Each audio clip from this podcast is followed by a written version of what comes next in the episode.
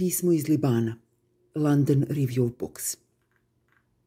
U junu se u našoj zgradi vodila rasprava da li da generator radi noću ili tokom dana. Struju iz nacionalne mreže smo imali samo jedan sat dnevno. U julu je jedini način rashlađivanja popodne bio leći znojav na kameni pod u stanu. Do avgusta su nestašice dizela značile da više ni bogati ne mogu da priušte olakšanje na paklenoj vrućini kad nema struje. Glavna javna bolnica u Bejrutu ostala je bez dizela i isključila raskladne uređaje u većini svojih odelenja. Ovo je pravi pakao, tvitovao je direktor bolnice. Prema izveštaju Svetske banke iz maja, brzina i dubina libanskog ekonomskog kolapsa čine ga jednom od deset najtežih ekonomskih kriza na svetu od sredine 19. veka. Ekonomisti jedva uspevaju da izmere čak i osnovne indikatore kao što su inflacija, nezaposlenost i pad BDP-a. Svetska banka to zove namerna depresija, što je rezultat političkog konsenzusa u odbrani bankrotiranog ekonomskog sistema kojim su se dugo koristili malobrojni, misleći pritom na čitavu političku klasu i svaku vladu od 90. do sada. Ne tako davno, libanski bankarski sektor je hvaljen zbog ekonomskog čuda. Guverner Libanske banke Rijad Salami proglašen je 2009. centralnim bankarom godine.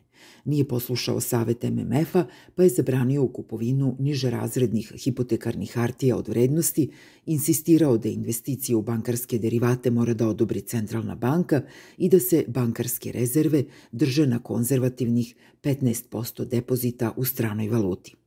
Zahvaljujući tome, Liban je izbegao financijsku krizu 2008.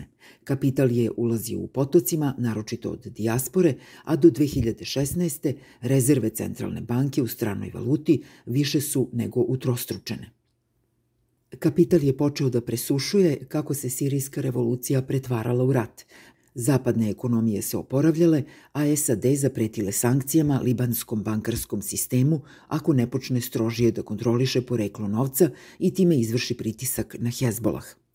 Salam je 2018. podigao kamatne stope u pokušaju da sačuva priliv stranih investicija, dok su banke često nudile više od 15% onima koji dolarski depozit konvertuju u libanske lire – Salami je to nazvao finansijski inženjering i na neko vreme se odbranio od krize. Danas to izgleda kao završna faza piramidalne šeme. COVID-19 i eksplozija u Bejrutskoj luci prošlog avgusta samo su najnoviji u nizu šokova za sistem koji je već bilo nemoguće spasti. Problemi u bankarskom sistemu počeli su 90-ih, kada su prinosi državnih obveznica ponekad prelazili 30%. Kamatne stope na individualnim štednim računima nikada nisu bile tako visoke, što je praktično značilo da su libanske banke mogle značajno da profitiraju samo od pozajmica državi.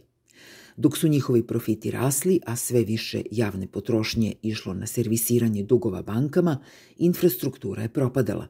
Država više nije bila u stanju da obezbedi pouzdanu 24-časovnu distribuciju struje i vode, čestito odnošenje smeća ili javni prevoz – Oporezivanje je regresivno, usmereno na robu i usluge, 60% prihoda. Kako je rastao dužnički teret, smanjujući kapacitete za javnu potrošnju, vlade su nametale nove represivne poreze. PDV je uveden 2002. i uvećan 2018. Do tada je, kako je ekonomistkinja Nisrin Salti opisala naredne godine, od svakih 5 dolara u porezima 3 bilo prikupljeno regresivno i korišćeno za finansiranje 9 dolara namenjenih komercijalnim bankama od svakih 20 dolara koje država potroši. Poreski sistem je bio mašina za proizvodnju nejednakosti. Oktobra 2019. vlada je pokušala da uvede još jedan regresivni porez na pozive preko interneta pod nazivom WhatsApp porez. Ulice su buknule, počela je Tavra, revolucija. Libanska valuta je od 1997. vezana za američku, po kursu od 1507 lira za 1 dolar, što je ostao zvanični kurs. Međutim, vrednost lire je na otvorenom tržištu padala, pa su na dolarske račune stavljena ograničenja. Tokom prvih meseci protesta još uvek nam je bilo dozvoljeno da podignemo do 1000 dolara u kešu. Nekoliko nedelja kasnije limit je spušten na 500 dolara, pa onda još niže – U martu 2020. ubrzo posle uvođenja prvih pandemijskih mera više nismo mogli da podignemo američke dolare, samo njihovu vrednost u lirama, po kursu veštački utvrđenom na 3900 lira za dolar, više nego duplo manje nego na crnom tržištu, koje pokazuje stvarnu cenu uvozne robe. Od tada se ti dolarski ekvivalenti u lirama pospredno nazivaju lolari – Da bi sprečile podizanje dolara sa računa, banke bi prosto zatvarale vrata, pravdajući se bezbednostnom situacijom ili bi ostavljale svoje bankomate prazne. Ljudima je to bilo sumnjivo. Banke su bile otvorene čak i tokom izraelske opsade 82. i julskog rata 2006. Umeđu vremenu, najveći deponenti su užurbano iznosili svoj novac iz zemlje. Procenjuje se da je od oktobra 2019. do narednog jula iz Libana izneto 6 milijardi dolara. Imena više stotina libanskih kompanija i pojedinaca pominju se u Pandorinim papirima i podacima o offshore financijama. Jedan od njih je i Salami, čovek koji je vodio Centralnu banku Libana gotovo 30 godina. Drugi je bio Najib Mikati, najbogatiji Libanac koji je prošlog meseca postao i premijer. Saad Hariri je ostavku na mesto premijera dao u oktobru 2019. Njegov naslednik Hasan Diab dao je ostavku posle eksplozije u Luci. Za to vreme, kaže se u izveštaju Svetske banke, Centralna banka Libana je bila gotovo isključivi donosilac odluka u zemlji. Libanska centralna banka objavljuje redovne cirkulare u kojima postavlja pravila. Ona, na primjer, odlučuje koliko će libanskih lira vredeti 1 dolar u banci i koliko tih lolara možete podići tokom jednog meseca. Da li možete da vršite transfer strane valute u inostranstvo da biste platili račune za školovanje svog deteta. Da li možete da raspolažete svojom ušteđevinom da biste platili bolničko lečenje u inostranstvu. Centralna banka odlučuje i koja roba može da se uvozi uz korišćenje njenih dolarskih rezervi.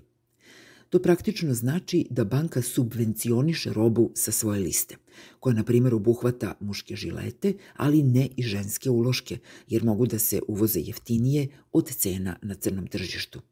Tako su veliki uvoznici koji često imaju političke veze napravili ogromne profite. Roba iz uvoza često nestaje kad stigne na tlo Libana, jer se gomilaju trgovci koji čekaju da subvencije porastu.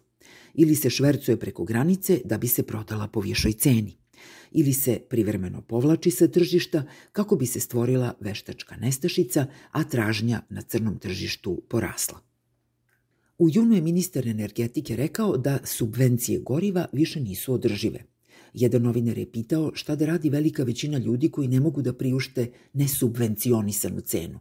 Liban nema javni transport vredan pomena, a malobrojne privatne autobuske linije nude samo povremene usluge – Neka koriste nešto drugo, odgovorio je ministar.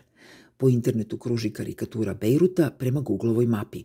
Pored znakova za kola i pešake ucrtana je ikonica magarca.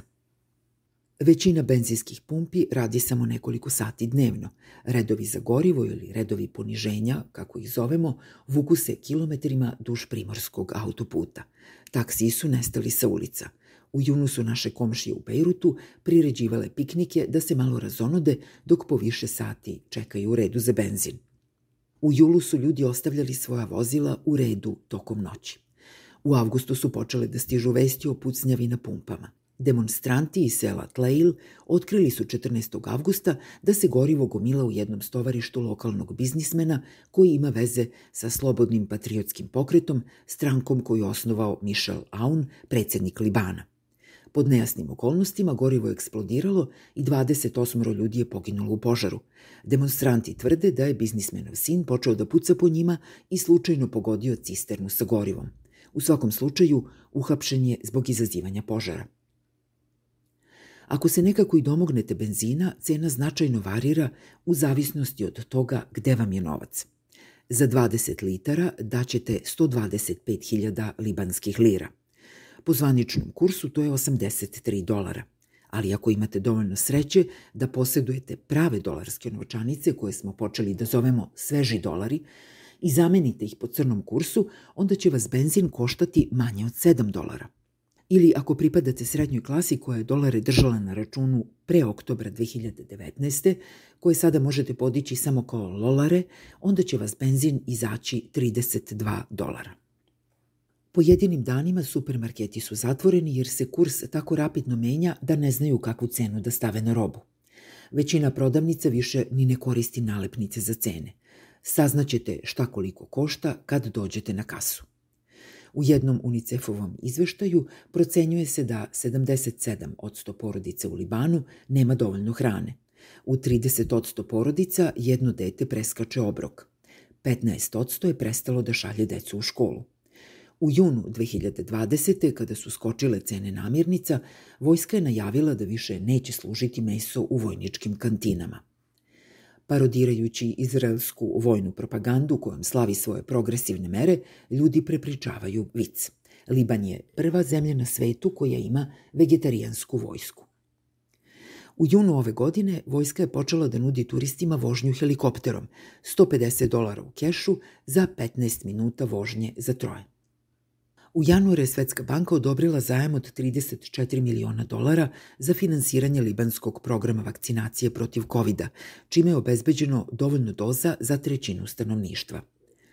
Nedelju dana posle dolaska prvog kontingenta, poslanici su uhvaćeni kako mimo utvrđenog reda primaju Pfizerovu vakcinu u zgradi parlamenta.